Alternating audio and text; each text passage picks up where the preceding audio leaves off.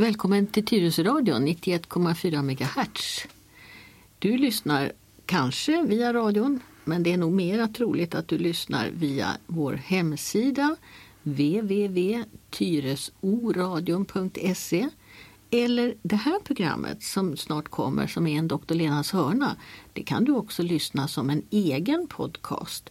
Och då kan man hitta det där podcastar finns. Fast då heter det inte Dr. Lenas hörna utan då heter det Radiodoktorn i Tyresö. För att annars är det lite svårt att hitta bland alla tusentals podcastar som nu man tillverkar över hela världen. Men hur du än lyssnar så är du varmt välkommen. Och som vanligt så har jag ju sällskap i studion. Ja, av Leif Bratt. Och, Folkets röst.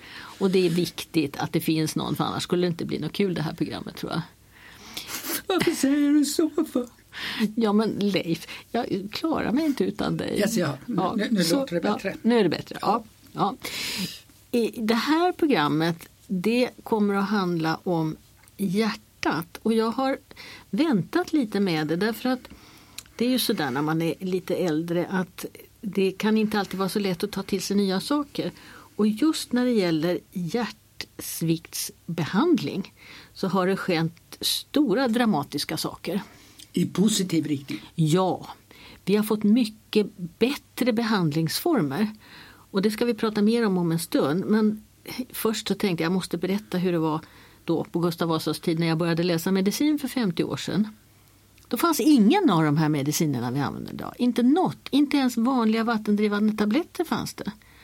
Så jag hade en liten bok när jag tjänstgjorde nere på akutmottagningen där det stod punkt 1, doktorn lugn och säker. Det var liksom första regeln när man inte hade någonting att ta till när de här patienterna kom till sjukhuset.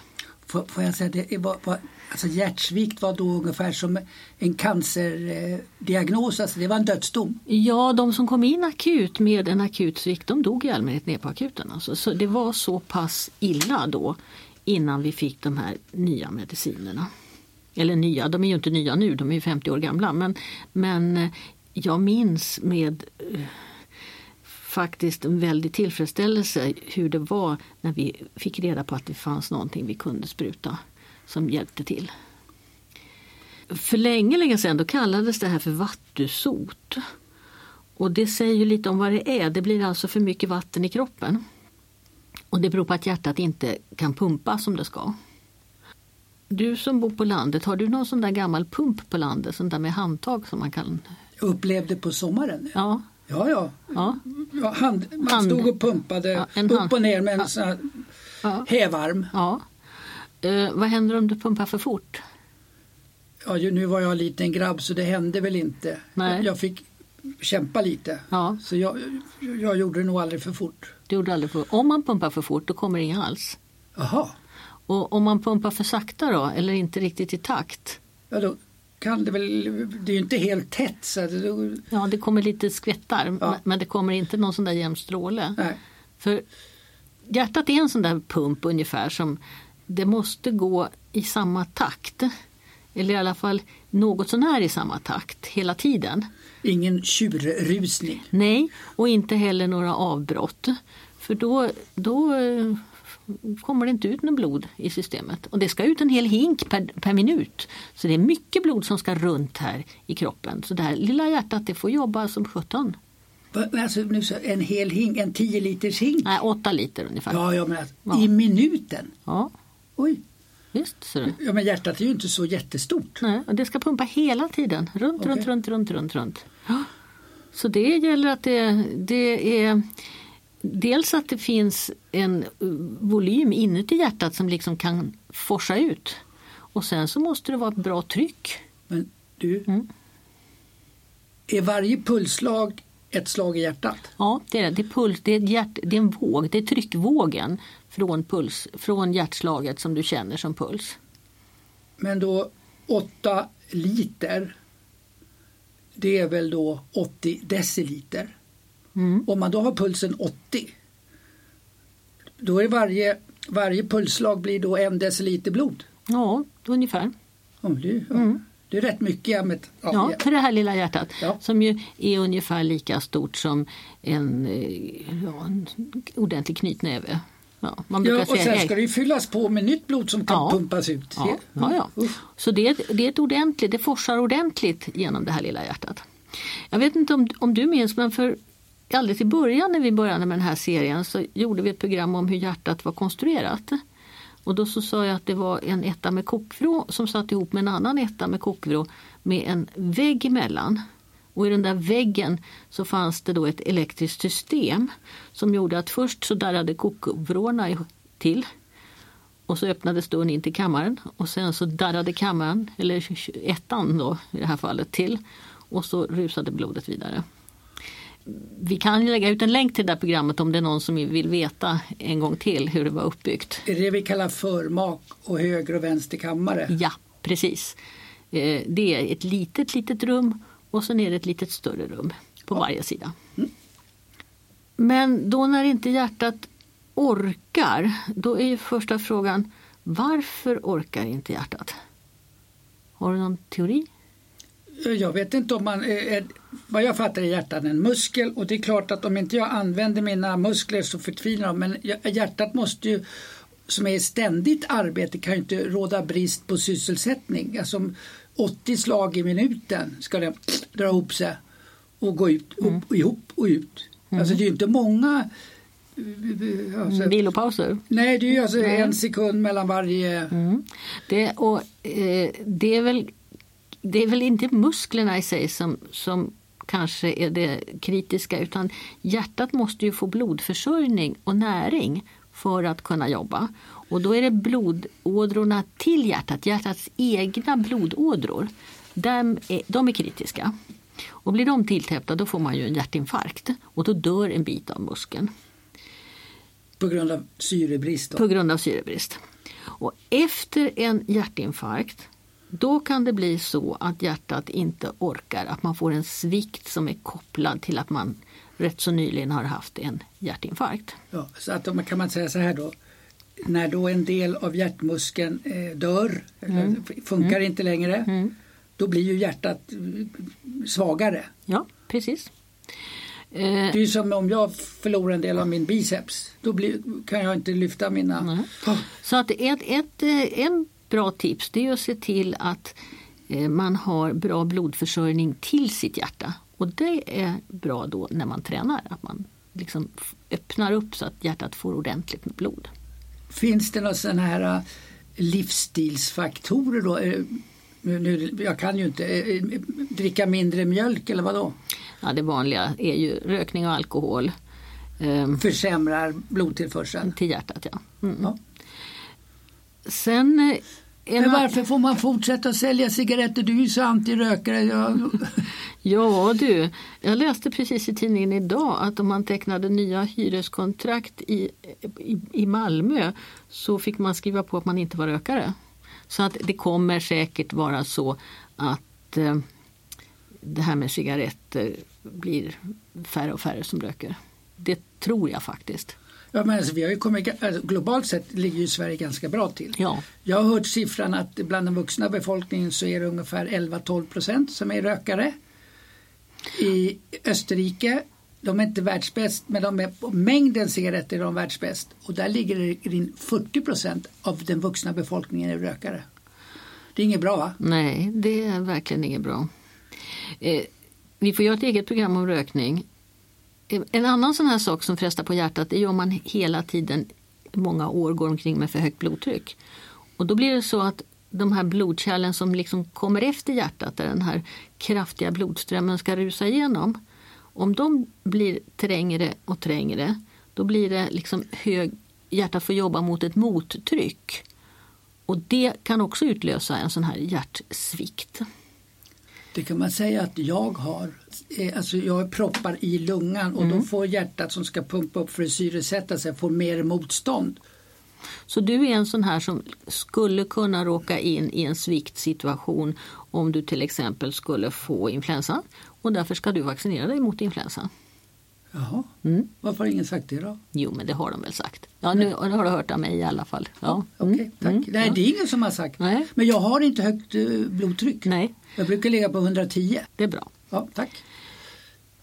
Sen så det som, det som händer då när hjärtat inte orkar det är lite olika saker. Dels börjar det växa. Det, det försöker kompensera genom att bli lite större. Och det kan ju i början kanske funka men sen så blir det så att när det blir större så blir det också lite sladdrigare och då får du mindre kraft i de här sammandragningarna. Så då blir det svagare. Ett stort hjärta är svagare än ett litet hjärta.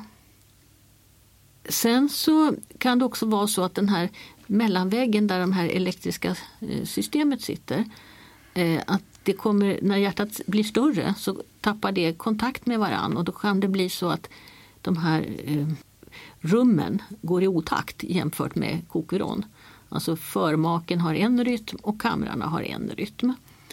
Och det är det vi kallar för flimmer. Och det blir också väldigt dålig pumpeffekt när man inte har den här eh, regelbundenheten som hjärtat är konstruerat för. Får jag avbryta dig där? Mm. För mig är det väldigt eh, tekniskt nu. Du mm. pratar om mm. det, är en mekanisk pump. det är en mekanisk pump. Anatomin. Mm. Men hur kan jag som individ märka av det här? Kan jag hålla handen för, eh, utanför hjärtat och känna hur det bubblar eller går i otakt? Eller hur märker jag av det? Symptom? Ja, andfåddhet är nästan, det har alla. Man, flåset räcker inte till. Man blir jättetrött och så tappar man liksom kraften. Man kan inte röra sig på samma sätt som förut. En del tappar också trycket lite grann så att man blir alltså lite yr och, och känner sig lite illamående. Och sen börjar man gå upp i vikt därför att man får vatten i kroppen. Man svullnar om fötterna och man får svårt att ligga plant ner i sängen. Man vill gärna sitta upp istället därför att det blir lättare att andas om man sitter upp än om man ligger plant ner. Så att det är ganska typiska sådana här tecken. Och ett, ett annat tecken är också att man blir kissnödig på nätterna då när man ligger ner. Det kan ju man ju bli av andra skäl också. Men, men om man lägger ihop det här, tröttheten, andfåddheten, svullnaden i kroppen, lite typiskt det där att man plötsligt så får man inte av sig ringarna för att fingrarna svullnar. Och det kanske man inte tänker på att fingrarna har svullnat men de, det finns vatten liksom överallt i kroppen. Och det kan vara ganska många kilo som man kan gå upp på kort tid. Men får jag bara fråga dig, mm. apropå nattbesök på mm. toaletten. Är det inte en allmän gubb... Alltså när man kommer upp i åren? Jo, de flesta äldre människor måste kissa extra på nätterna och det har också med hormoner att göra. Men Prata. hjärtsjuka, där är det väldigt typiskt att man får större urinproduktion nattetid. Ja, men alltså då, då, om vi säger att man går upp en gång på natten för att mm. kissa, mm. Då, då, är det okej okay för dig. Det är okay. Men om ja. det börjar bli tre, fyra gånger ja. då är det ett tecken, ja. en indikation. På, och, och sen om man lägger ihop det då med den här tröttheten och andfåddheten på dagen. Mm. Så att hjärtsvikt är i ganska stor utsträckning det, det är ett tillstånd. Det är egentligen inte en, det låter ju larvigt att säga nu, men det är egentligen inte en sjukdom utan det är ett tillstånd som beror på att hjärtat på något vis är skadat det gäller att förebygga de här hjärtskadorna så att man aldrig får en hjärtsvikt. Får jag bara fråga då, så här, mm. du, du, du säger ett tillstånd och sjukdom och förut har vi pratat om syndrom och sjukdom. Alltså är det egenkonstruerade begrepp, är det allmän läkarbegrepp att prata om tillstånd i vissa lägen och sjukdom i andra? Alltså vad är skillnaden? Sjukdom, då vet man i exakt att det är den här saken som har gett den, det här eh, yttrar sig på det här sättet. Man vet hela tiden orsaken ja, då? Ja. Och syndrom, då har man flera saker som liksom sitter ihop och som bildar en slags övergripande när det gällde övervikt så sa vi att man hade något som heter metabolt syndrom där det ingick då högt blodtryck och sockersjuka eh, och övervikt. Så att det var flera saker som bildade det här lite större begreppet som Eh, Eh, man ibland då använder för att beskriva varför någon mår dåligt. Och sen eh, förra programmet vi gjorde så pratade vi om gulsot och då sa jag att det också var ett tillstånd där man visste att det berod, då hade varit något som var vajsing nere i levertrakten. Och nu när vi pratar om hjärtsvikt då, då är det ett, eh, eh ett tecken på att det är hjärtat är mm, inte friskt. Det har hänt någonting med hjärtat. Ja, men man exakt den, man är mindre mindre säker. Man, man kan konstatera men inte riktigt vad det beror på. Nej, och det gäller ju alltså att hitta, finns det en bakomliggande orsak eh, som till exempel det här vi sa nu med ett flimmer. Då kanske åtgärden är att behandla flimret och så försvinner hjärtsvikten. Eh, det är ju svårare att om man då har fått en hjärtsvikt på grund av att man har misskött ett högt blodtryck under väldigt många år. Då kan man inte liksom reparera det genom att plötsligt börja sköta sitt blodtryck. Eh, utan då måste man mm, ha kanske fler mediciner just för att hjälpa den här hjärtsvikten. Och då pratar man ju ibland om symptomatiska mediciner, alltså mediciner som inte botar sjukdomen i sig men som gör att det här tillståndet ändras så att man mår bra. När du pratar om blodtryck, jag fattar ju själv att det inte kan vara riktigt sant men då fanns det en så här eh, måttstock för att veta 100 plus ålder kunde man ha i övre tryck. Men det låter ju mycket om man är 70 år och ska ha 170. när, när är blodtrycket högt? Lite grann beroende på ålder. Ja, alltså jag är ju geriater och jag accepterar 160 hos mina eh, 85-åringar därför att blodkärlen blir stelare och då behöver man ett högre tryck för att Eh, blodet ska kunna komma fram. Men det som är viktigt är det lägre trycket, det här man brukar säga diastoliskt tryck, det undre trycket och det ska ligga under 100 för alla oavsett ålder. Finns det några genetiska faktorer? Ja, det finns ju en del sjukdomar eh, där man får inflammationer i hjärtat. En del sjukdomar kan vara ärftliga, man kan ha missbildningar i hjärtat och de är det en skada på hjärtat på något vis så får man nog en hjärtsvikt så småningom, nästan alla. De som har sånt. Det finns en del orsaker som har blivit ovanligare. Idag så har vi bättre klaffar därför att vi får inte infektioner på samma sätt som man fick på 30 och 40-talet som skadade hjärtat. Idag behandlar vi de infektionerna snabbare, det är halsfluss och den sorten. Och det behandlar vi med penicillin och då får vi inte de här eh, skadorna på hjärtklaffarna. Och då har, dessutom opererar vi hjärtklaffar i en helt annan utsträckning nu.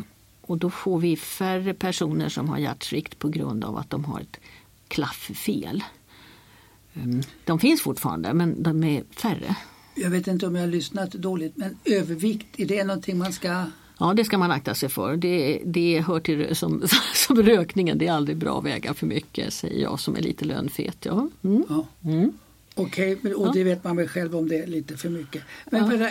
du sa att vi har blivit bättre på behandlingar. Det, det tyder på, jag tolkar det som att det är en nedåtgående trend. Ja, om vi, om vi börjar med att säga att hur, hur tar man reda på då? Om, vad händer om man går till doktorn? Ja, jo, man, man får ta ett blodprov och det har inte funnits mer än ungefär en tio år. Och det blodprovet, du som är ekonom måste ju gilla, det heter BNP. Det är ju lätt att komma ihåg då. Ja, det vet jag ju också, inte bara därför utan eftersom jag har mina proppar i lungan. Ja. Och då måste jag ställa frågan, de, de fann man ju, jag mm. hade ju indika, jag hade förhöjda BNP-värden mm. och han jämförde det med PSA-värden, mm. man mm. prostatan. Och då undrar jag bara så här, hur vet man att det är något fel på lungan eller på hjärtat om man tar samma prov? Det vet man inte. Utan det här värdet det är ett litet protein som börjar släpps ut i blodbanan när hjärtat börjar växa. Mm. Och hjärtat kan ju då börja växa av olika skäl. Så att det är det är ett, vad ska jag säga, ett, ett, prov, ett blodprov som säger att det här har med hjärtat att göra och inte med något annat. Så har man ett normalt BNP då har man ingen hjärtsvikt. Och det är rätt skönt för det genast så sållar man bort då sånt som eh, tidigare eh, man som doktor gick och grubblade väldigt mycket på, är det här ens vikt eller inte? Man kan ju få vatten i kroppen till exempel om man är njursjuk.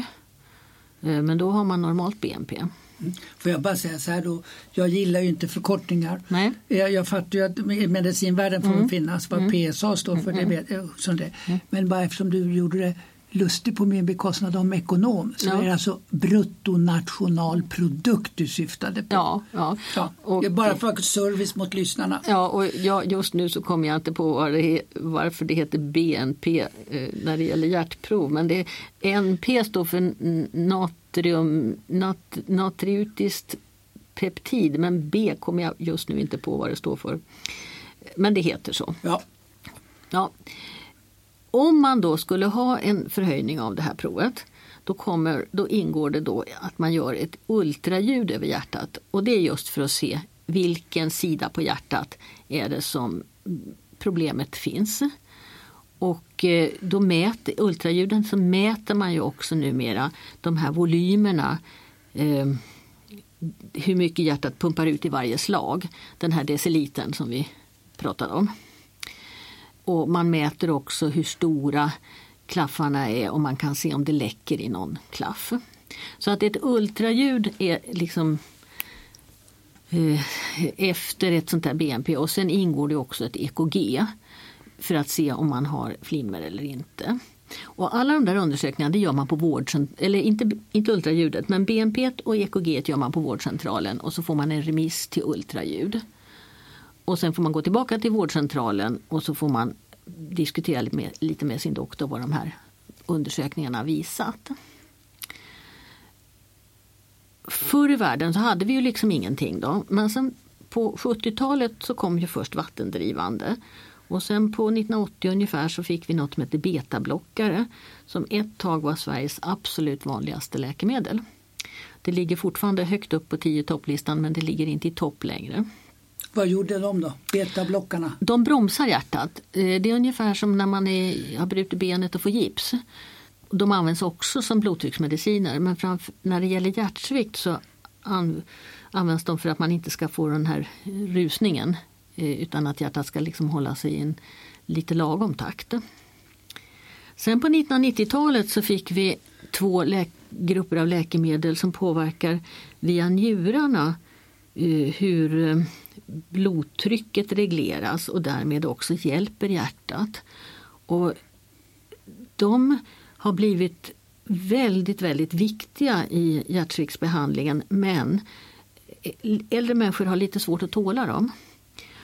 Och det är därför det finns två grupper. Man börjar med den ena gruppen och går inte det så provar man med den andra gruppen och går inte det heller så får man låta bli dem. Men de, de var liksom ytterligare ett steg i den här utvecklingen till att vi blir bättre och bättre på att behandla hjärtsvikt. Och sen så kom det här provet då som gjorde att vi kunde hitta de här patienterna tidigare. Och sen har vi börjat ju operera eh, så att man inte ska få sin hjärtinfarkt. Eh, man öppnar upp blodkärlen som går då här till hjärtats egen blodförsörjning. Det är då man pratar om att man spränger Ja, ballongsprängning och man lägger in ett litet, vad ska vi säga, ett litet rör så att blodådern hålls upp, öppen och det kallas för stentar. Och det gör man nästan direkt för de kommer från ambulansen rakt in på röntgen och stentas. Och sen kan man faktiskt få gå hem samma dag. Så att det, det, är, det är en helt annan eh, teknisk utveckling här när det gäller att få hjärtat att funka så bra som möjligt. Och sen så har det kommit ytterligare en sak som används för sviktpatienter och det är, vi pratade lite grann om pacemaker när vi pratade om hur, den här elektriska impulsen fick hjärtat att slå. Och vid hjärtsvikt då använder man en slags dubbel pacemaker där det finns en elektrod både på den högra sidan och den vänstra sidan. Och det är för att hjärtat ska gå i takt och därför pumpa bättre. De, de andra pacemakrarna de används ju för att hjärtat inte ska liksom, eh, ta pauser utan hela tiden ska slå. Men just den här typen av svikt pacemaker har en liten annan funktion. Och de moderna eh, såna här svikt-pacemakrarna de har också alltid en inbyggd hjärtstartare. För att inte hjärtat ska stanna. Då. Och det där är ju väldigt bra. Det finns en tråkighet med det och det är om man skulle få någon annan dödlig sjukdom, till exempel en cancersjukdom. Då måste man komma ihåg att den där ska stängas av. För att annars får man väldigt svårt när man ska dö. Eh, och det är någonting som eh, de som har den här typen av pacemaker eh, måste prata med pacemakermottagningen om, om de hamnar i det läget att de får en annan dödlig sjukdom. Men de här sviktpacemakrarna de är numera jag ska inte säga att de är standard men de, de kommer mer och mer. De har funnits i ungefär fem år. Och då är det klart att det är de yngsta patienterna med svåraste svikten som får den här nya moderna tekniken först. Men nu börjar de, man sätta in sådana här sviktpacemaker även lite högre upp i åldrarna. Det här har gjort att eh, man har tagit fram helt nya riktlinjer för eh, sviktbehandling. Och det, det vi som är lite ja, konservativa doktorer, det är inte alltid vi har hängt med i det här att man, man tänker lite på ett annat sätt än vad man fick lära sig eh, för 20-25 år sedan. Idag pratar man inte om höger och vänstersvikt som man gjorde då utan nu ser man hjärtat mer som en, en helhet och sen så är man mycket mer koncentrerad på hur, hur mycket och med vilken kraft kan hjärtat kasta ut den här blodstrålen ut i stora kroppspulsådern. Men det, det, du, jag får, jag skulle vilja använda ordet framgångssaga. Alltså, du, du, du lovprisar ja. utvecklingen. Ja. Så det betyder idag vi brukar ibland prata folksjukdom, ja eller nej? Ja, det här är ju ett vanligt tillstånd. Ja. Man räknar med att ungefär 1% av befolkningen i 50 års ålder och 10% när man är uppe i 80 års ålder. Så att det är, ett snitt är i befolkningen som helhet det är 2 och det överstiger ju gott och väl det här med folksjukdom. Plus att hjärtsvikt kostar samhället väldigt mycket pengar. Därför att de när man går in i en akutsvikt då är det sjukhusvård och sjukhusvård är dyrt. Så att eh, man diskuterar lite grann om den här hjärtsviktsbehandlingen, om den, hur mycket den har ökat överlevnaden. Det kanske är så att alla de här andra åtgärderna för att inte hamna i hjärtsvikt, alltså behandla högt blodtryck, träna, operera hjärtinfarktspatienter. Det är det som mest ligger bakom att vi lever längre och att vi har blodförtunnande medel vid, vid, när hjärtat inte går i takt. Men det är klart att ju färre som får hjärtsvikt är, är säkert också väldigt bra för folkhälsan. Mm. Så visst, det, det, här är en av, det här är en av framgångssagorna som gör att vi med tillförsikt, du och jag, då, kan se fram emot att bli hundra år. Ja. Mm. Nej, men jag skulle, förutom då det här med folksjukdom, det låter på dig som att det finns en god prognos.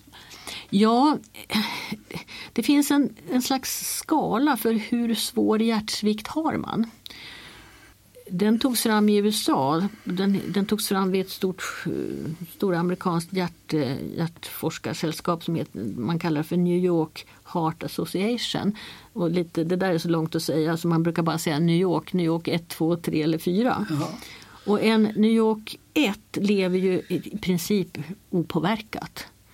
New York 2 har det lite jobbigare. Men New York 3 är fortfarande någon som bor hemma och, och klarar sig eh, med hjälp av medicinering.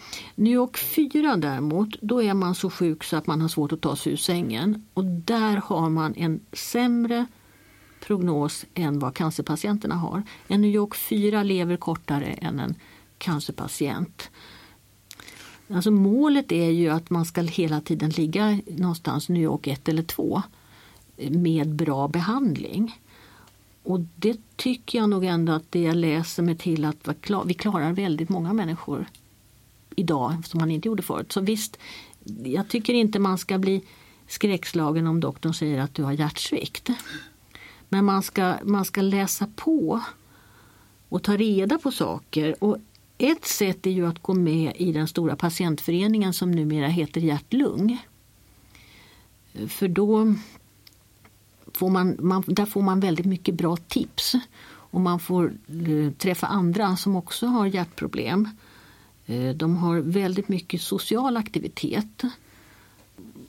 Och i ett sånt här läge så behöver man träffa andra människor som har ungefär likartade problem för att lära sig bra knep. Ja, innan vår tid går ut då, eh, bara, ja, du har sagt att det har gått väldigt bra de senaste 50 åren. Vi har utvecklats, utvecklats, utvecklats och vi har blivit bättre. Ser du någonting i framtiden? Vad är på gång? Eller har, är vi nöjda med det som finns idag eller forskar man vidare för att bli ännu bättre? Man forskar vidare och jag tror att just det här på de här sviktpacemakrarna, alltså det är mekaniska och eh, även man har hjärttransplanterat i ganska många år nu men man har transplanterat framförallt andra, där hjärtat är skadat av andra orsaker. Jag tror att det kommer ändå att fortsätta både med den här tekniska utvecklingen och kanske också med fler hjärttransplantationer.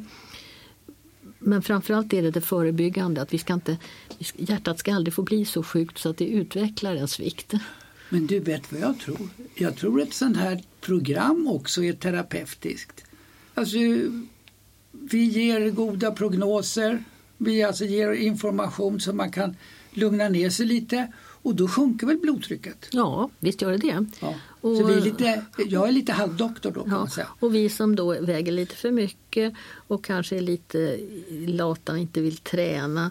Vi kanske också får en spark i baken att ja men se framåt. Det är nog bättre för framtiden om man försöker ändå att leva så bra som möjligt. Mm. Eller så förnuftigt som möjligt, vad vi nu ska kalla det, för en bra livsstil så Pro tidigt. Ja. Problemet är ju bara att varje år kommer en ny diet som är mirakelgörande. Ja visst, visst. men eh, det är det är spännande med hjärtsjukvård och det är, jag tycker det är roligt att det har blivit så, eh, så bra. För eftersom jag kan jämföra med då hur det var, som jag sa, för 50 år sedan ja. när vi inte hade något.